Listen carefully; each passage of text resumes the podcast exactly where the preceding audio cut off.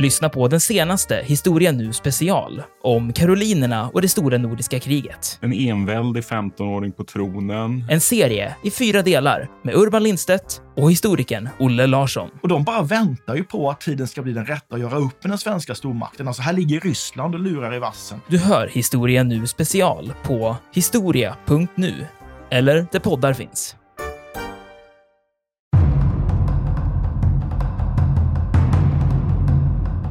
Ett av de här skeppen, Nevada, skulle ju, är ju ett sånt här tankfartyg också som skulle understödja och som är fullsmockat med flygbränsle. Och den här befälhavaren på Nevada inser ju snart, han är en av de första att agera, han inser att han måste ta sig härifrån så snabbt som möjligt. För ifall Nevada smäller, då kommer i princip hela hamnen smälla upp bara i ett enda stort eh, eldmoln. Eh, men han lyckas faktiskt ta sig ut och det här skeppet kör de sen på grund. Det blir så pass illa tilltygat att de får köra det på grund för, eh, utanför Pearl Harbor. Och lyckas de eh, bärga senare.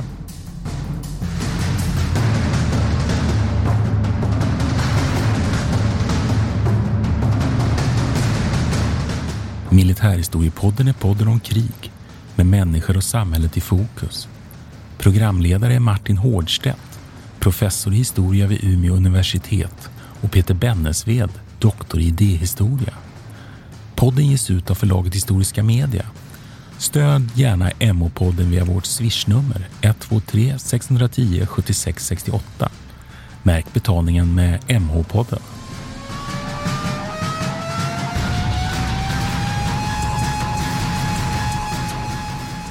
Det här är Militärhistoriepodden och mitt namn är Peter Bennesved. Och jag heter Martin Hårdstedt.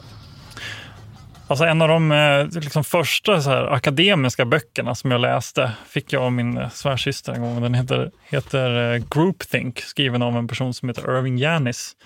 Han är egentligen socialpsykolog eller sociolog. Och jag vet inte riktigt varför jag fick den här, men den, den är en klassiker, socialpsykologisk klassiker. Jag var väl lite intresserad av sociologi på den tiden och skulle plugga det sen. Skitsamma, men ett av avsnitten där eh, handlar om Pearl Harbor. Och det som är Irving Gannis tes då, eh, och som han driver fram, bland annat, han har en massa andra exempel, bland annat den här eh, eh Bay of Pigs, som också var kul att snacka om någon gång i militärhistoriepodden. Men, ja, och grisbukterna. Ja, men det han driver fram då är att, att man hade liksom en stämning på Pearl Harbor bland officerarna ett slags önsketänkande eh, med den här Husband E. Kimmel som, som befälhavare i centrum. Och att han då hade en väldigt speciell eh, liksom, miljö där då, där han fick folk att eh, och de tillsammans så gav varandra understöd för vissa teoretiska resonemang som då skulle leda till att man helt enkelt inte gjorde sig förberedd för en attack mot Pearl Harbor. Att man liksom, ett slags önsketänkande som drevs fram av den här gruppen och boken då heter Groupthink liksom för att, ja, för att eh, trycka den här poängen. Så jag tyckte det var, det var en av mina första liksom så här, möten med den akademiska sfären. Jag kommer att det var väldigt, eh, ja, det var väldigt kul läsning. Jag fick, fick eh, orsak att återkomma till den boken inför det här avsnittet då, som, som ni förstår kommer att handla om Pearl Harbor och vad det var som egentligen hände där. Ja, och det är Japans anfall, plötsliga överraskningsanfall i december 1941 mot den amerikanska Stilla havsflottans bas. Och direkt tänker jag haka på och säga så här att det ligger ju någonting i den där socialpsykologin, där, eller grupppsykologin var du inne på. Därför ja. man hade ju en idé om att, att det skulle vara väldigt svårt för den japanska flottan att faktiskt slå mot Hawaii, där ju flottbasen låg. Eh, och att det var, det var liksom ett öppet havssträcka. Det är helt omöjligt att ta sig hit, smyga hit för att sen släppa eh, flygplan från hangarfartyg. Så att jag tror att det visst kan ligga någonting i det där att man på amerikansk sida då hade svårt att för, tro detta, det som ju sen faktiskt eh, ägde rum. Ja, det, precis. Jag, och jag tänkte att nu är vi inne på, på, en, på en ytterligare en sån här händelse där vi direkt kan koppla faktiskt till ett, ett eh, poddavsnitt som vi gjorde ganska nyligen, nämligen rysk-japanska kriget.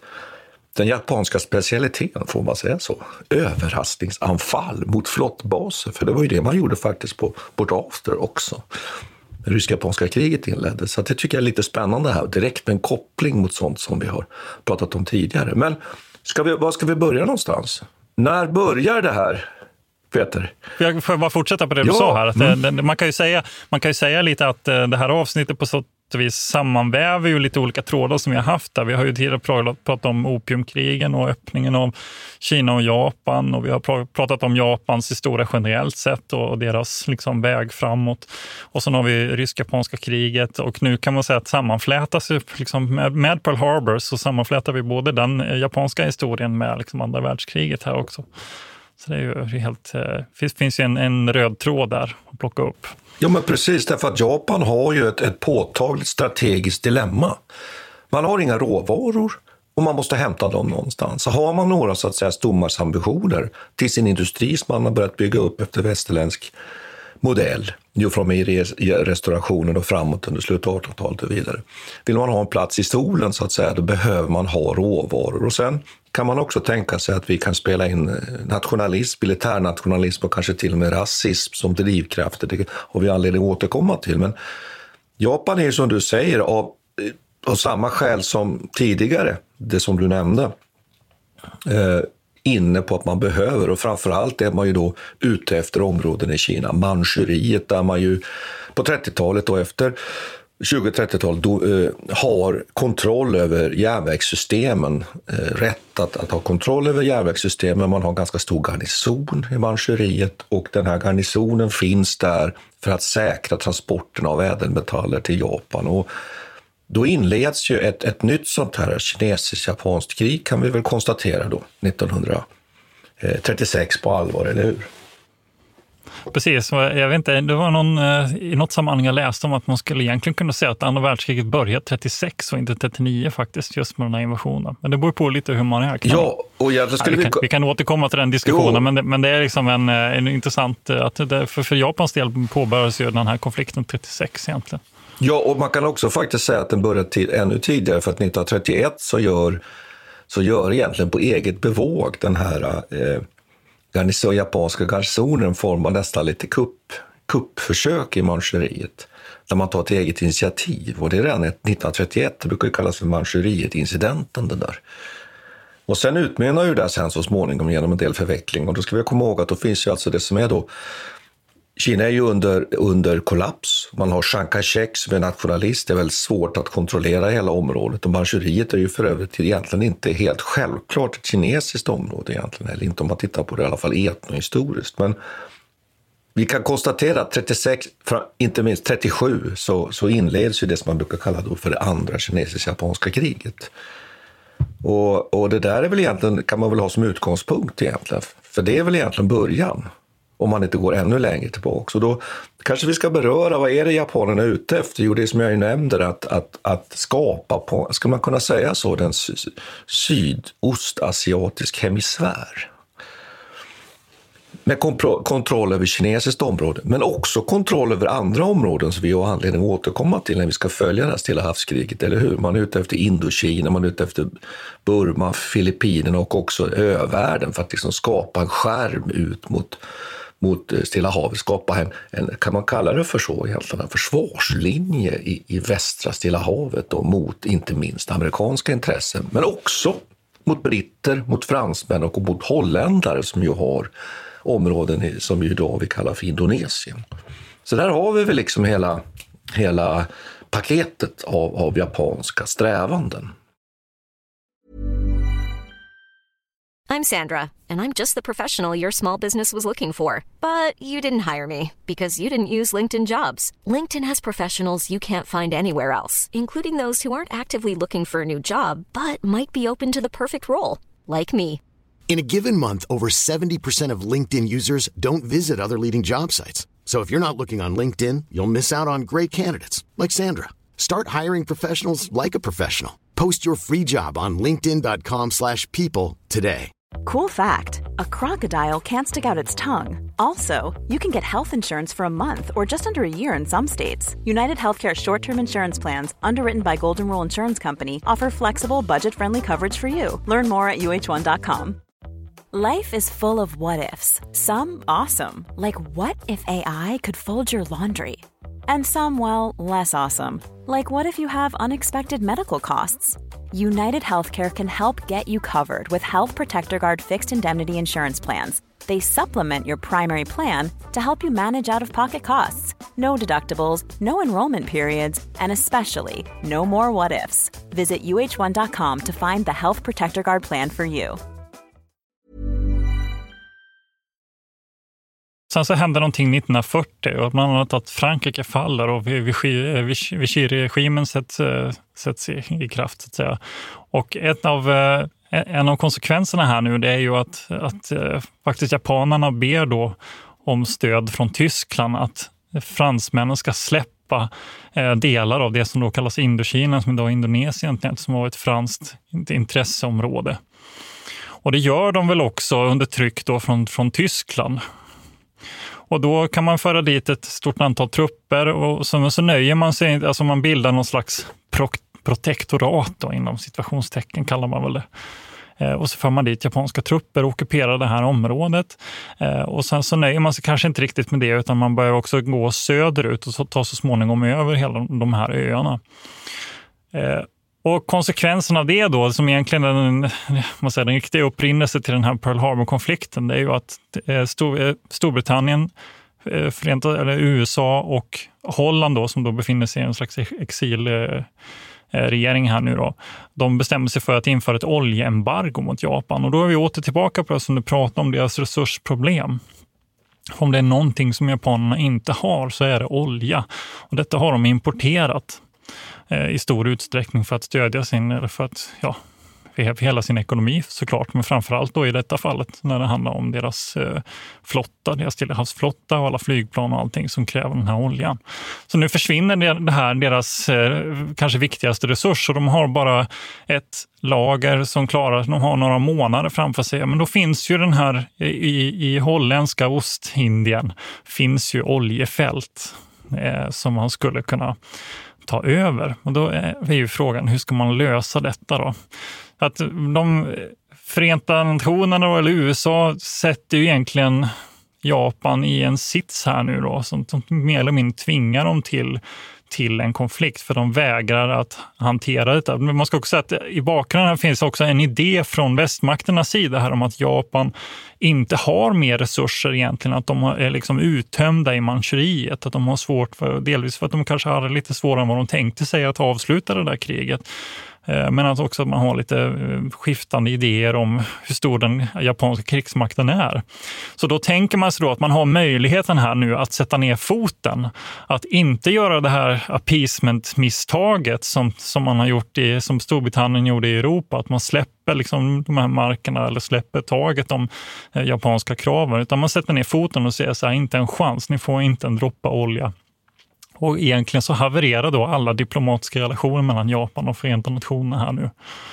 Eller USA. Jag vet inte, det står hela tiden i mina källor står Förenta Nationerna, men i, nu för tiden säger man ju USA jämt. Alltså. Ja, och du har läst lite ja, äldre böcker, ja, Peter. Ja, det blir, man tar till sig det där. Liksom. Ja, precis. Jag lät lite för, men, men, men får jag lägga till, får jag lägga till en sak? Att det är ju den ja, här Hall, alltså utrikesministern Hall, amerikansk utrikesminister, som liksom blir språkrör för den amerikanska inställningen. Och det, det är ju som du säger, att han han pushar ju väldigt hårt det här med att japanerna bland annat ska lämna, så småningom driver man ju det kravet faktiskt, de ska lämna Kina. Och där ska jag lägga till en, en ja. sak i det här sammanhanget, att från japansk sida så upplever man ju att amerikanerna precis som i den där freden efter det rysk-japanska kriget, inte riktigt behandlar dem som jämlikar. Och det tycker jag är intressant, att det finns en sån där liten, liten eh, psykologisk twist där, just det där att, att att den där rasfrågan kanske ändå liksom spelar viss roll. Ett litet Napoleon-komplex. Ja, på något sätt. Och det är precis som du säger, att de här resurserna är väldigt viktiga just i, i också i föreställningarna om Japan, japanernas möjlighet att bedriva det här kriget framgent här.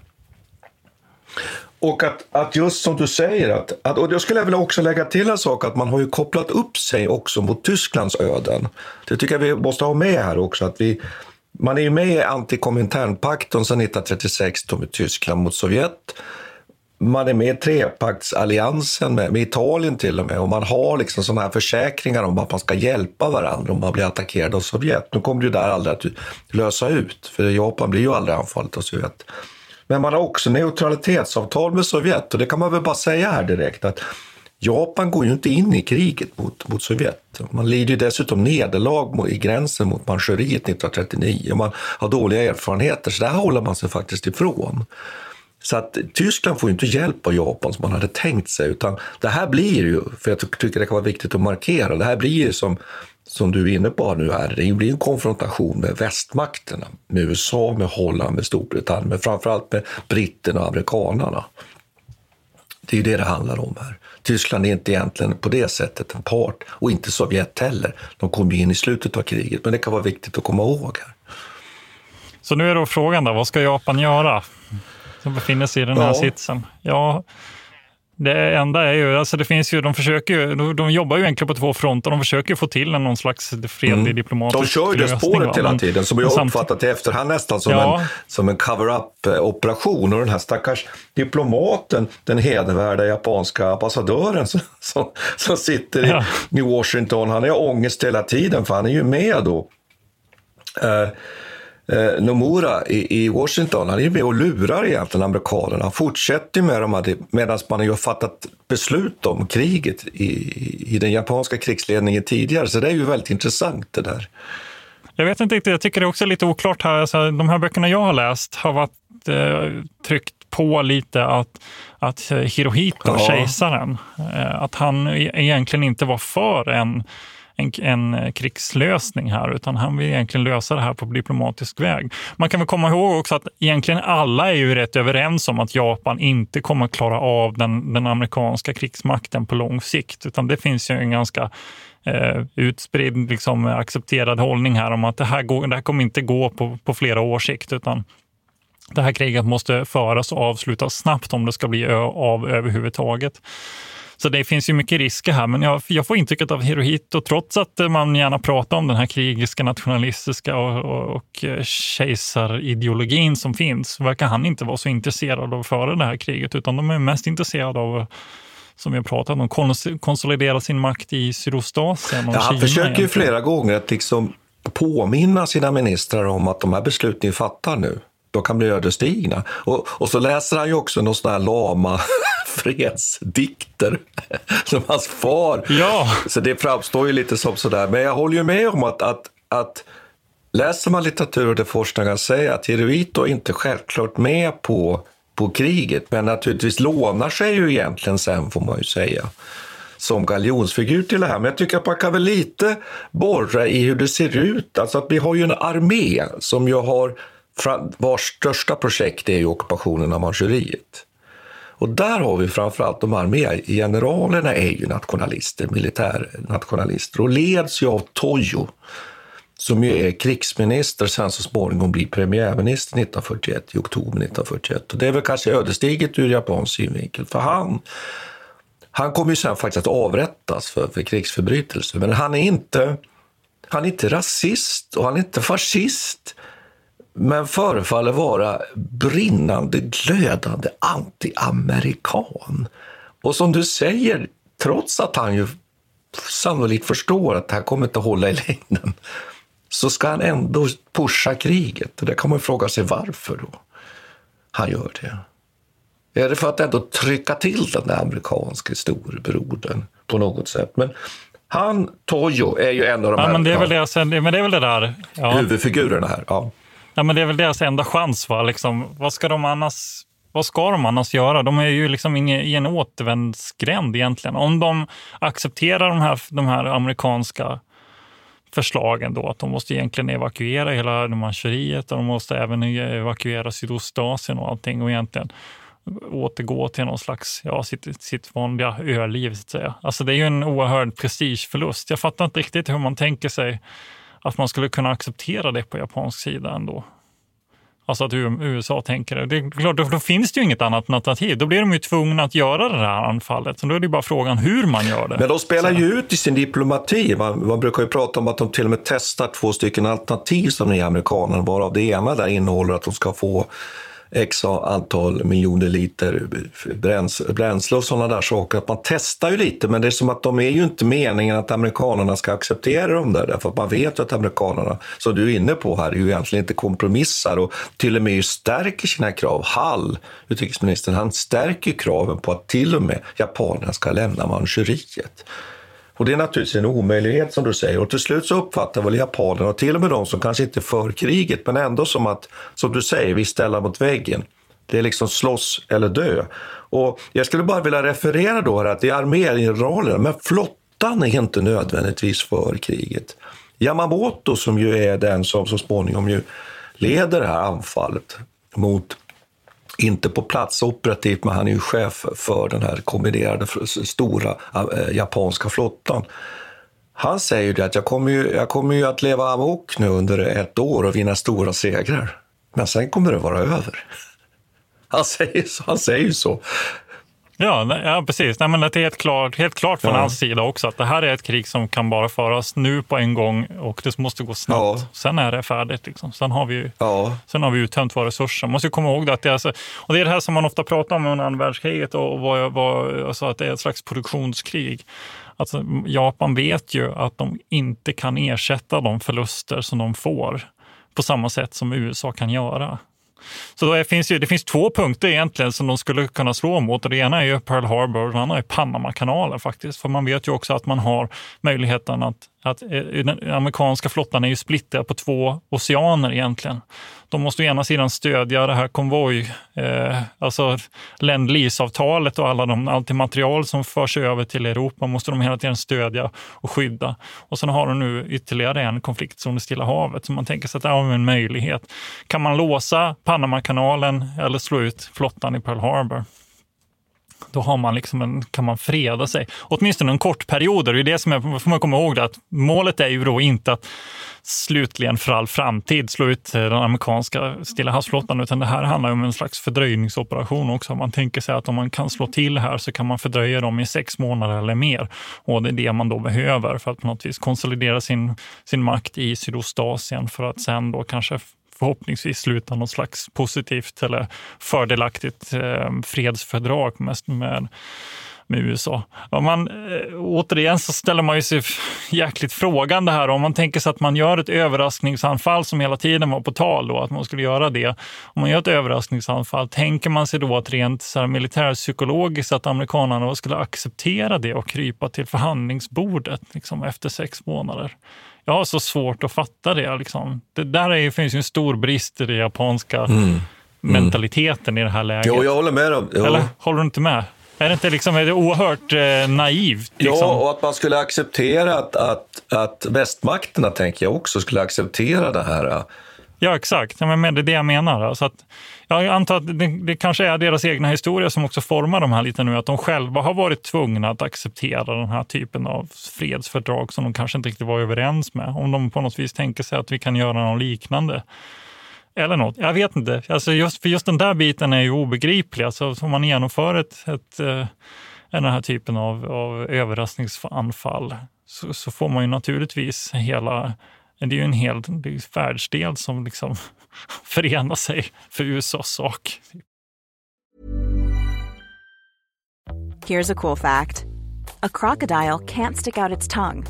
Another cool fact. You can get short-term health insurance for a month or just under a year in some states. United Healthcare short term insurance plans are designed for people who are between jobs, coming off their parents' plan, or turning a side hustle into a full time gig. Underwritten by Golden Rule Insurance Company, they offer flexible, budget friendly coverage with access to a nationwide network of doctors and hospitals. Get more cool facts about United Healthcare short term plans at uh1.com. Hey, I'm Ryan Reynolds. At Mint Mobile, we like to do the opposite of what Big Wireless does. They charge you a lot, we charge you a little. So naturally, when they announced they'd be raising their prices due to inflation, we decided to deflate our prices due to not hating you. That's right. We're cutting the price of Mint Unlimited from $30 a month to just $15 a month. Give it a try at mintmobile.com slash switch. $45 upfront for three months plus taxes and fees. Promote for new customers for limited time. Unlimited more than 40 gigabytes per month. Slows. Full terms at mintmobile.com. Here's a cool fact. A crocodile can't stick out its tongue. Another cool fact, you can get short-term health insurance for a month or just under a year in some states. United Healthcare short term insurance plans are designed for people who are between jobs, coming off their parents' plan, or turning a side hustle into a full time gig. Underwritten by Golden Rule Insurance Company, they offer flexible, budget friendly coverage with access to a nationwide network of doctors and hospitals. Get more cool facts about United Healthcare short term plans at uh1.com. Jag tänkte lite matematik här också skulle Ja. vi kunna ägna oss åt. Och det är att vid den här tidpunkten så kan man räkna med att amerikanerna egentligen bara har tre operativa hangarfartyg, egentligen bara två. Just det. En, ett är på lagning. Och det där är ju intressant som du säger där, medan då japanerna har ju eh, sex i alla fall som de kan sätta in i den här attacken här. Då. Fyra större och två, två mindre. Och eh, det där vet vi ju sen att när amerikanerna så säga, trycker på knappen med sin produktion, då spottar de ju ut hangarfartyg och, och eh, över eh, ytvattenfartyg. Och det man då är ute efter här, det är ju att slå ut väldigt konkret nu då. Hangarfartygen som ligger på Pearl men också Stilla havsflottans slagskepp. För att då vinna, som du säger, en, en sån lång, få en så långt andrum för att sen kunna utöka då och ta bland annat Filippinerna, men också ner, ner mot Borneo och ner mot, mot eh, till och med snudda vid Australien så att säga. Eh, ner i Sydostasien och ta Indokina och så vidare. Så att det är ju det man är ute efter här. Och, men det är ju inte helt enkelt heller, för hur smyger man sig på en sån här bas? Jag menar, det finns ju radarteknik, det finns flygspaning och dessutom också, vilket vi ju tycker vi ska diskutera som är jättespännande, så har ju amerikanerna lyckats, till stor del i alla fall, det är väl det vi kan diskutera lite, det finns lite olika åsikter ju bland forskarna, har man ju en, en, en, en, en sån där deficheringsavdelning, Magic, som ju har knäckt de japanska koderna. Alltså man läser i klartext i stor utsträckning, alltså den interna hemliga korrespondensen mellan inte nödvändigtvis bara mellan militära förband inom japanska krigspakten utan alltså också till diplomaterna bland annat som sitter i Washington och så vidare. Och det gör ju att man menar sig ha fått en, en förvarning. Det här spelar ju en ganska stor roll i, sen i diskussionerna kring vad amerikanerna visste. Ja, men det är olika. Men, ja. ja. Det är ju olika- bud. Jag ska bara säga att på amerikansk sida, där uppfattar man då via de här, hur, hur man nu tolkar det där, eh, att man ju på något sätt har en deadline den 25 november. Att där på något sätt, för hela tiden vet man ju att japanerna förbereder sig för krig samtidigt som förhandlar. Men man vet ju inte riktigt om det bara är för att säkra upp från japansk sida eller är det så att japanerna leker bara med oss nu här. Men då får man klart för sig att 25 november förefaller vara en deadline på något sätt. Det vill säga att efter den 25 har man inte fått en förhandlingslösning från japansk sida, som man ju inte vill ha. Det var vi ju inne på. Man ska, man ska retirera från Indokina om man får miljon, en miljon liter bränsle eller vad det var. Det är ju inte amerikanerna kommer inte vara nöjda med sådana såna överenskommelser och så vidare. Det förstår man. Då, då inser man att sen är det krig som gäller. Men ändå då, trots det där, så gör man inte basen på Pearl Harbor tillräckligt färdig, klar att ta emot ett anfall. Det där tycker jag vi kan diskutera lite. Vad är det som händer där på amerikansk sida? Ja, det finns ju många olika saker. Då. Dels så har man ju pratat om för det första så är man ju inte faktiskt på det, på det klara med om det verkligen var så att amerikanerna kunde läsa alla de här. Nej. Eh, eh, alltså det där har ju under senare, man ska säga att det här, den här Pearl Harbor är ju en, en, eh, en händelse som har utretts i in absurdum. Nio olika kommissioner har liksom satt, satt händerna i det här materialet som är enormt eh, och försökt reda ut vems fel det var. Kanske var det kort sammanfattat. Vems fel var det? Och, och det? och då har man pratat mycket om det här med signalspaningen och det och, och dechiffreringen och det. Och, och det man nu under senare tid har kommit fram till Eh, är ju bland annat då att det faktiskt inte är så säkert att man kunde från amerikansk sida läsa det här i sin helhet som man under tidigare eh, utredningar har fått för sig. Utan det handlar om en stor del om hur man har tolkat eh, de här alltså, korrespondens mellan amerikanska befälhavare, officerare och Washington, alltså deras meddelanden om, om hur, det här, hur det går framåt. Och då, då har de bland annat sagt så här, ja inom eh, sex månader så, eller vi behöver vi behöver minst sex månader för att, för att knäcka koden. Har ibland tolkats så som om sex månader kan vi knäcka koden. Men det är ju inte liksom samma sak. Alltså mycket sådana där saker, formuleringar som har, som har kommit upp till dagar och som, som ifrågasätter det här. Och, och sen är det ju en annan sak också att bara bara för att du har informationen eh, eller att du kan dechiffrera någonting betyder inte att du gör en korrekt bedömning av vad det faktiskt innehåller. Alltså det är ju en sak att ha liksom intelligence, men att ha finished intelligence är någonting annat. Man har en slags tolkning av materialet också. Och det där, och det där är ju en, annan, eh, en helt annan sak. Va? Så att, och, det, och det leder oss in på det andra problemet att man har ett slags informationsöverflöd nästan. Och från, från han Kimmels sida, eh, som är då befälhavare på Pearl Harbor, så, så kan man nästan beskriva det som ett slags ropa varg-problem som de har. Att man är medveten om hela tiden att japanerna är ju intresserade av ett överraskningsanfall från och med, jag tror den 24 eller 25, som du sa, 25 november eh, och att de närmsta dagarna ska ske någonting. Men man vet inte var och man får den här typen av varningar hela tiden. Eh, så, att, så är det mycket sådana där problem som man försöker hantera. Då. Så här, är det mer eh, rimligt att de anfaller mot Midway eller Filippinerna? Eller vad, vad är det någonstans de ska... Man tänker sig då, väldigt svårt att tänka sig att de ska gå just på Pearl Harbor. Kan man ta lite geografi här, att Pearl Harbor ja. ligger liksom mitt i Stilla havet. Sen det är Midway som du nämnde, det är ju en ytterst liten atoll så att säga ytterligare liksom halvvägs och sen kommer så att säga de här mera pärlbandet av öar med japanska öarna. Så att, och Midway kommer vi anledning att återkomma till för det kommer att bli en viktig vändpunkt i kriget mm. i Stilla havet. Men, men vi kan väl tillföra några ytterligare saker. Men när man har radar, radar kapacitet på Hawaii naturligtvis. Eh, man har luftvärn. Det är väl utbyggt. Man har ju också luftvärnet på alla stridsfartyg som finns i hamnen på alla det antal eh, slagskepp som ligger där. Boforskanoner för övrigt. Boforskanoner för övrigt, som vi har pratat om. Så det är ju inte det att man, eh, och man har en, en ganska ansenlig också, ska ju sägas, flygplansstyrka på Hawaii och också just vid tiden för anfallet då, som ju kommer den 6 december sen så småningom så är det ju så att hangarfartygen också är ganska aktiva. De, de råkar ju faktiskt tur nog för amerikanerna vara ute på uppdrag att leverera då flygplan till ett antal öar där man då vill förstärka eh, flygkapaciteten.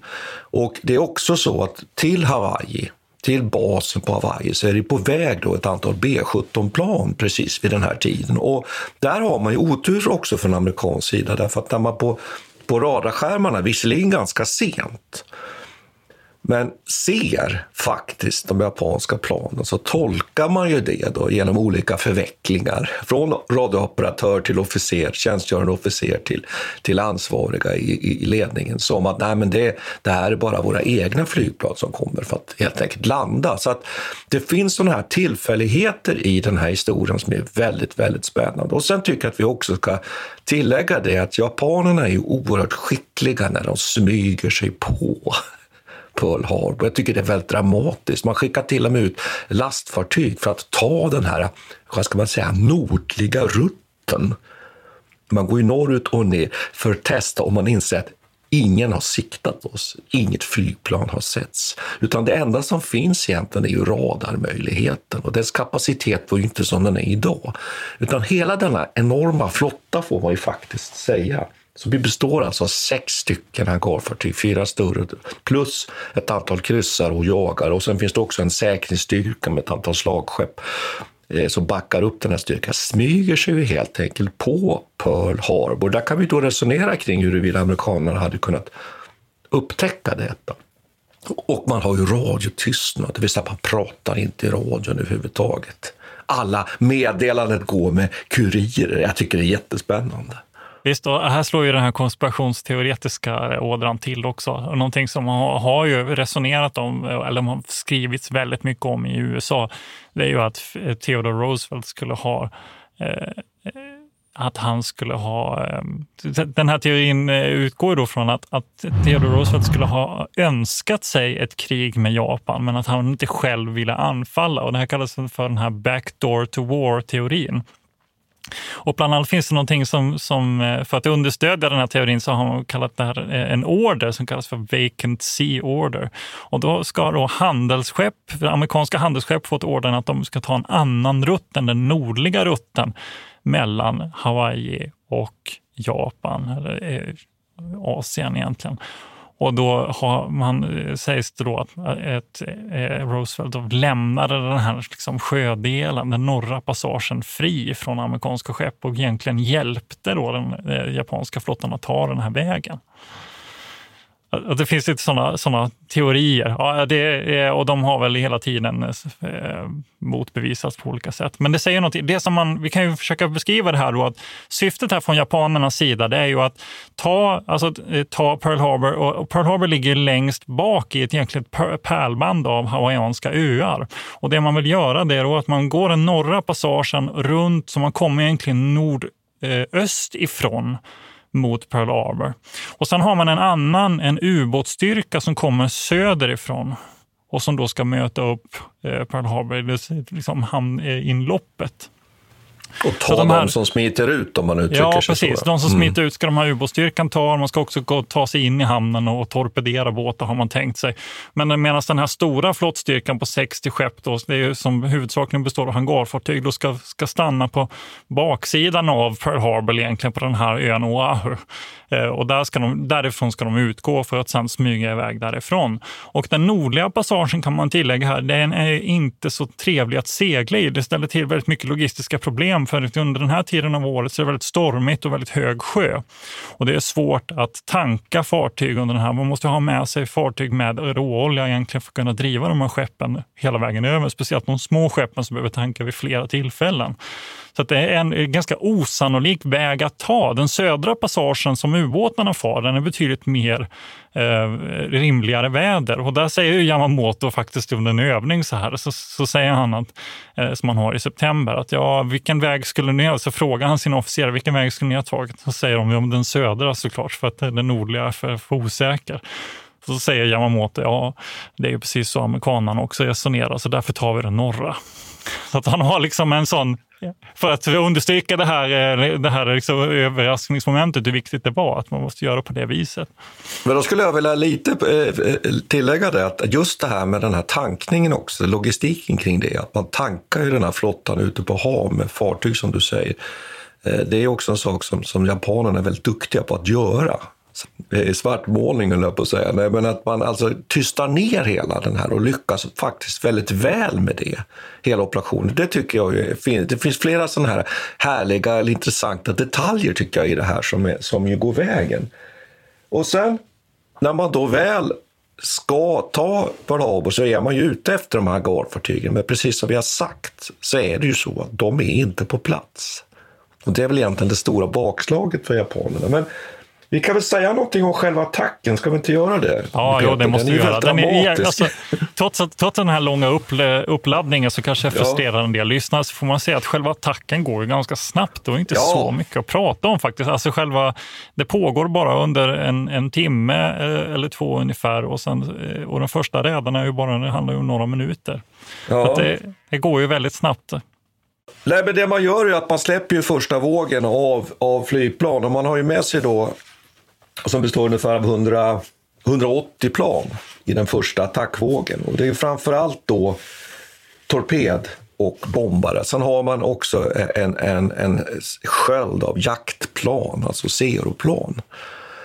Eh, så den här glider ju in mot Pearl Harbor eh, och man har tur, för man förstår också ganska snart att vädret är klart. Att det till och med ska ha varit så att Nagomo då, som är chef för den här flottan, han eh, får den här eh, informationen via faktiskt de amerikanska nyhetssändningarna från Pearl Harbor, så då vet han att det är klart väder. Det är ganska lite smålustigt om man nu kan prata om det när det gäller krig. Men Sen attackerar man och eh, det är ju klart att det är ju sitting duck. Man säger att det är ju väldigt få egentligen av tre fjärdedelar av alla, alla luftvärnskanoner är inte ens bemannade på flottan. Det är få batteri, luftvärnsbatterier. Så det är klart att vid inflygning här eh, mot eh, eh, målen i hamnen så, så möter man ju ytterst litet motstånd. En av de första som ska ha öppnat eld faktiskt var en, en pastor. Det är ju söndag det här nämligen och då vet man ju också det att eh, officerarna sover i land och att folk också är allmänt så att säga, avslappnade. En av de första som sätter sig till motvärn är faktiskt en pastor som rycker upp en kulspruta och lägger den mot altaret och öppnar eld mot de inflygande japanska flygplanen Det är en sån här berättelse. som berättas. Ja, men det vi kan konstatera här är ju att den första vågen bombar, släpper torpeder och sen kommer en andra våg eh, av ungefär 170 Eh, flygplan. Och sen så flyger man tillbaks till hangarfartygen och när de här eh, vågorna har landat så konstaterar man att vi hittar inga hangarfartyg och en del av eh, piloterna vill tillbaks. Men där stoppas de då av den japanske befälhavaren som ändå konstaterar att, det här, att man har lyckats över all förväntan. Och vad blir resultatet då? Vad blir resultatet? Ja, det blir, du har ju varit inne på att det här inte blir så fruktansvärt för amerikanerna som man skulle kunna tro. Då. Men det är ju så att fyra slagskepp sänks ju faktiskt. Av vilka två faktiskt plockas upp. Ja, det är, ett, det är några som sett, åtminstone ett sätts ju på grund av sina egna... Be, be, be, men man kan ju fråga sig här också, hur många är det som, som egentligen slås ut? Men man kan ju säga att fyra sänks, men två bärgas och tas i bruk. Så, och, och alla de, de, fyra andra närvarande slagskeppen de skadas ju. Va? Så det är klart att, men de återkommer ju i tjänst de här sen så småningom. Men de är ju utslagna ja, temporärt, det kan vi vara eniga om. Och sen är det ett stort antal övriga fartyg som ju faktiskt också förstörs. 190 amerikanska flygplan på marken som är uppställda i fina rader dessutom därför man är rädda för sabotage. Och det kanske mest förfärliga är att 2400 människor dör. Väldigt många dör ju i de här äh, slagskeppen som kantrar väldigt snabbt. Då vill jag ge en bild här för, för lyssnarna hur det här går till. Alltså för en väldigt stor andel av de här 2000 eh, äh, sjömännen, eh, jag ska säga ungefär hälften dör på det här skeppet Arizona. Som är kanske den mest, mest dramatiska eh, eh sänkningen egentligen av de här. Och det, det som man då, om man får liksom en bild över, över hur Pearl Harbor ser ut här nu då, så är det alltså de här åtta stora slagskeppen Eh, de ligger i princip efter varandra och sex av dem ligger i slags parformation. De ligger liksom jämte varandra i par så här med bara några meter emellan. Så det är verkligen sitting duck. Det är ett väldigt tydliga, enkla mål som man, man kan slå till mot. Och det sjunde skeppet, Nevada, ligger eh, ensamt eh, längst bak och California och New ligger, Maryland, ligger, förlåt, Maryland ligger lite längre fram. Så att alla, skepp, alla åtta slagskeppen ligger egentligen på linje och sex av dem då ligger i par. Och när de kommer ner med de här bombplanen, störtbombare är det som kommer i första vågen, eh, så har de ju i princip, det är bara fritt fram och bomba. Och just i den första vågen faktiskt så lyckas man då släppa en bomb rakt ner i skorstenen på Arizona. Och den faller rakt ner i maskinrummet och exploderar där. Oerhört dramatiskt. Hela skeppet bara ja, exploderar i princip. Och väldigt, alltså ungefär 1100 personer dör här och det sänks liksom omedelbart. Och det här sker ju precis i början och sen när de andra skeppen eh, skadas och torpederas i andra vågor, man kommer alltså med den torpedflygplan eh, sen eh, vid sidan och man släpper deras speciella typ 91, eh, jag vet inte vad den, ja, vad den kallas mer, men en typ 91-torped i alla fall som man har experimenterat med, med någon slags eh, löstagbar eh, träkon som ska klara fallet här. Men de har testat det här och väldigt inspirerad av britternas eh, slag mot Taranto också. Det. I, mm. ja, och, de, och då lyckades de då sänka, jag tror två av de här andra. Men, men sen är det, jag har läst att tre egentligen försvinner ur, ur, spelet. Tre av de här slagskeppen, medan de andra egentligen kan repareras. Jag kan också upp det här Nevada som är intressant. Eh, ett, ett av de här skeppen, Nevada, skulle ju, är ju ett sånt här tankfartyg också som skulle understödja och som är fullsmockat med flygbränsle högoktanigt flygbränsle. Och den här befälhavaren på Nevada inser ju snart, han är en av de första att agera, han inser att han måste ta sig härifrån så snabbt som möjligt. För ifall Nevada smäller, då kommer i princip hela hamnen smälla upp bara i ett enda stort eh, eldmoln. Så han lyckas faktiskt ta sig ut och de anfaller honom när han är precis i inloppet också. För jag tänker, japanerna ser då möjligheten att täppa till hamnen också genom att sänka Nevada, men de lyckas inte riktigt med det. Eh, men han lyckas faktiskt ta sig ut och det här skeppet kör de sen på grund. Det blir så pass illa tilltygat att de får köra det på grund för, eh, utanför Pearl Harbor. Och lyckas de eh, bärga senare. Här, det finns en rad sådana här historier som är väldigt dramatiska. Och de här mini-dvärgubåtarna som, som japanerna skickar in, de är också en historia för sig. Va? Att de misslyckas ju egentligen med alla sina operationer, alla dör och alla ja, de här ubåtarna sänks. Mom deserves the best, and there's no better place to shop for Mother's Day than Whole Foods Market. They're your destination for unbeatable savings, from premium gifts to show-stopping flowers and irresistible desserts. Start by saving 33% with Prime on all body care and candles. Then get a 15-stem bunch of tulips for just $9.99 each with Prime. Round out Mom's menu with festive rosé, irresistible berry chantilly cake, and more special treats. Come celebrate Mother's Day at Whole Foods Market. Hey, it's Paige DeSorbo from Giggly Squad. High quality fashion without the price tag. Say hello to Quince. I'm snagging high-end essentials like cozy cashmere sweaters, sleek leather jackets, fine jewelry, and so much more. With Quince being 50 to 80% less than similar brands. And they partner with factories that prioritize safe, ethical, and responsible manufacturing. I love that. Luxury quality within reach. Go to quince.com slash style to get free shipping and 365 day returns on your next order. Quince.com slash style. When you make decisions for your company, you look for the no brainers. And if you have a lot of mailing to do, stamps.com is the ultimate no brainer. It streamlines your processes to make your business more efficient, which makes you less busy. Mail checks, invoices, legal documents, and everything you need to keep your business running with Stamps.com.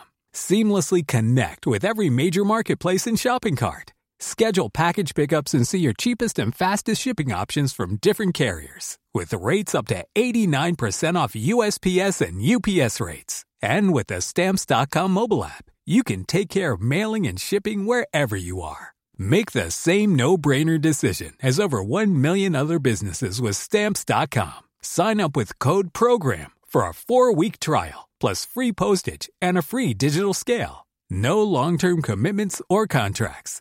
That's stamps.com. Code program. Jag tycker att man skulle kunna kommentera en sak här och det du var ju inne på det med anfallet mot Taranto. Alltså britternas anfall mot den italienska flottbasen i Medelhavet som hade ju ägt rum tidigare. Och det här hade japanerna naturligtvis studerat väldigt noggrant och man hade ju också övat, som du var inne på, eh, väldigt väl inför själva attacken. Man, man var, underrättelseverksamheten hade ju varit både med spioner på plats men också med, fått reda precis på var de här fartygen eh, låg. Så man var väldigt välövad och man hade ju ett problem faktiskt innanför det här anfallet som jag tycker var lite, lite spännande. att det var ju så pass grunt vatten. Och de här japanska torpederna var inte riktigt byggda för att klara av att gå i så grunt vatten. De behövde antagligen gå lite djupare. Så där fick man ju då komma med liksom en teknikutveckling. Och här är vi inne på någonting så spännande. Är det här så att säga brottet nu då? Det här är flyget tar över, över de tunga yt, ytfartygen. Ja visst, visst är det så. Det är klart att det, det visar sig under andra världskriget som vi har varit inne på när vi ibland hade vårt avsnitt om Bismarck och andra avsnitt och vårt avsnitt om slagskepp överhuvudtaget i allmänhet att Kreta också. Jag skulle ändå vilja säga att de här slagskeppen kommer ju sen och det tycker jag vi kommer, vi kommer ju ha oändligt med anledning att återkomma till. De kommer ha väldigt stor betydelse just som artilleriplattformar för att skjuta understöd, direkt understöd faktiskt vid landstigningarna sen när amerikanerna så småningom vänder kriget och hoppar från ö till ö och återtar. Så att det är inte svartvitt. Men det är ju inte förutsatt, eller det är ju ingenting som man planerar för då. Alltså det, det, argumentet här är ju egentligen, som man har pratat om, det här, alltså hangarfartyg versus slagskepp. Det är ju att man kan säga att det här ja. det är en utveckling som tvingas fram genom Pearl Harbor också delvis. Eftersom den sån här amerikanska slagskeppsstyrkan slås ut så har man ju bara hangarfartygen kvar. Och då har det liksom diskuterats, dels är Pearl Harbor också i sig ett bevis på att eh, japanerna som förfinar den här tekniken, liksom, man inser att det här är ju framtiden. Så det är både push and pull kan man säga, som drar fram hangarfartyget. Jo, det med om. Eh, Mm. Och sen så får man ju ändå nytta av de eh, slagskeppen förstås. Så Det är ju, jag vet inte, det är ju en intressant att eh, eh, Det är också något som man debatterar, huruvida den här, från japanernas synpunkt, om det här var ett lyckat anfall eller inte. För de har diskuterat Yamamoto då, huruvida han anser att det var hangarfartygen som var framtiden eller om man då önskade sig egentligen en, en regelrätt slagskeppsstrid av det slaget som man hade haft i Tsushima 1905. Och här är ju intressant då att eh, om man då, eh, en, en författare som heter Alan Sim, då, han har ju hävdat då att tvärs emot den tidigare forskningen att japanerna är hela tiden har som sitt primära mål att slå ut slagskeppen, inte hangarfartygen. För man tänker sig att slår man ut slagskeppen då har man större chans att vinna det här avgörande flottslaget som man då ser framför sig i framtiden.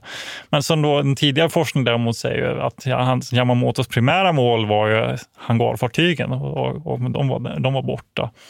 Eh, Det skulle i så fall då förklara varför man ju inte heller gör den här omstarten av flygplanen för att slå mot hangar eller leta efter hangarfartygen. Och det, det finns en annan sak som förstärker det här och det är att Yamamoto när han gör, gör, gör den här planeringen för den stora planeringen för kriget mot amerikanerna och även den mer konkreta, den operativa planen, till och med taktiska planen för att anfalla Pearl Harbor, då, då är han tvungen att ta hjälp av flygofficerare faktiskt. Därför att han känner att det här, det här, det här har han inte tillräckliga kunskaper om. Så att jag tycker att det som du beskriver här är ju väldigt intressant skifte då egentligen i tänkandet. Och att man ju precis som du tänkt, säger, tänkte ju tidigare att det som möts till havs och det som är kapplöpningen är ju stora slagskepp. Och därför bygger ju också japanerna världens två största slagskepp, på vilket vi har anledning att återkomma till, då, Yamamoto och Momochachi.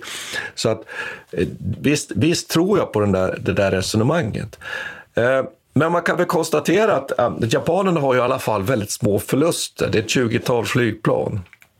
Väldigt få som dör. Och man får väl ändå säga att det framstår ju som en väldigt chockartat lyckad ändå anfall ur många aspekter, även om ju vi nu liksom har lite satt eh, frågetecken för det. Då. Men en sak som jag tycker vi kan ta upp definitivt, det är ju att det här ju är ett avgörande momentum i andra världskriget. Det vänder ju över en natt, ärligt talat, eh, den amerikanska opinionen. Från att man inte vill gå med i kriget fullständigt, att USA ska vara isolationistiskt, så går man ju med i kriget. Och ofta har man ju, eh, när vi eh, pratar om, om 11 september, alltså terrorattackerna på, på, på New York, så brukar man prata om att det var ett Pearl Harbor och det skulle jag ju vilja starkt ifrågasätta. Jag minns att det var satt sina experter i tv-sofforna då och sa just det att Nej, men det, här, det här är ett nytt Pearl Harbor. Men det var det ju inte, därför att där handlar det mer om att den attacken den, den förstärkte ju en tendens i den amerikanska utrikespolitiken. Medan här,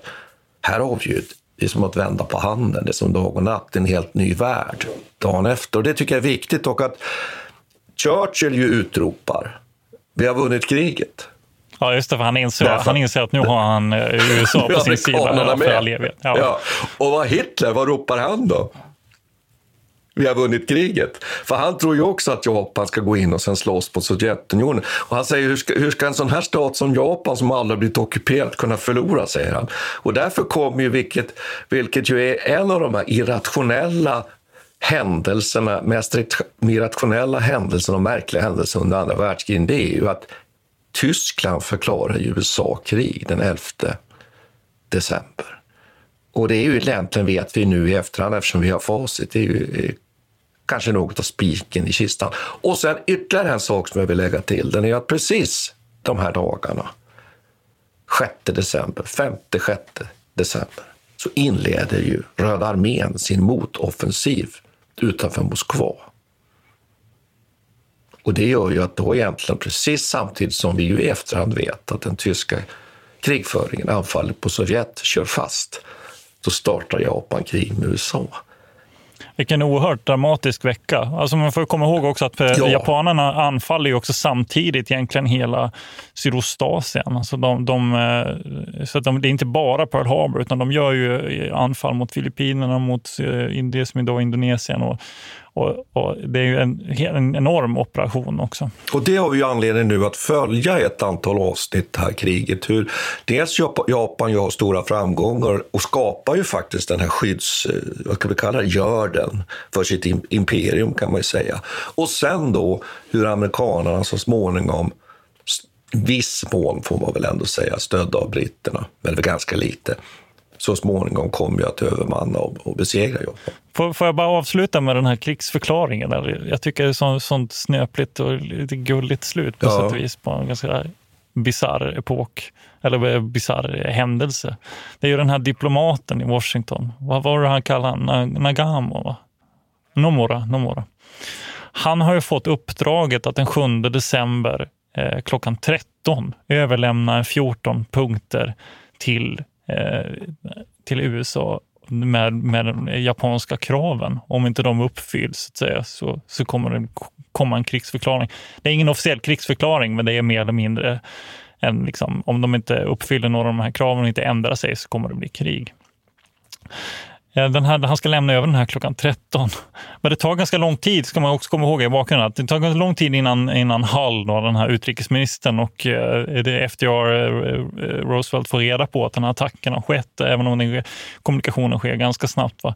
Men eh, tanken var ju att det här, de här 14 punkterna skulle ha kommit egentligen innan attacken, men det vet inte eh, den här japanska diplomaten. Så han sitter där i väntrummet eh, där mellan 13 och 14 medan Hall då har, får, all information om Pearl Harbor så kommer han in så här med den här 14-punktslistan och blir mer eller mindre bara utskälld av, av Hall vilket rätt begripligt. Men han, han är verkligen ett offer för omständigheterna. Så man har egentligen ingenting, eh, alltså, att det fördröjdes lite hade också att göra med den här dechiffreringen. Och det. Han visste också innehållet i den här listan innan det ens kom in på hans bord. Så han var tvungen att spela lite förvånad. Men, men skällde, skällde sen ut den här japanska diplomaten efter noter som fick gå där lite trumpen därifrån. Liksom.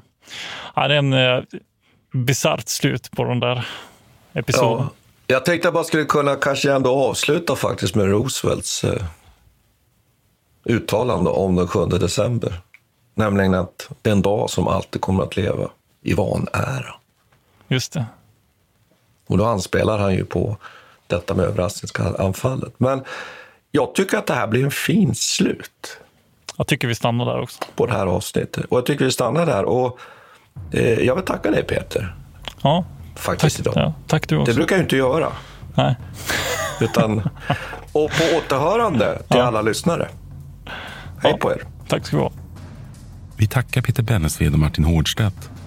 Kontakta gärna Militärhistoriepodden via mejl på militarhistoriepodden historia.nu. Peter och Martin vill gärna få in synpunkter och förslag till programidéer.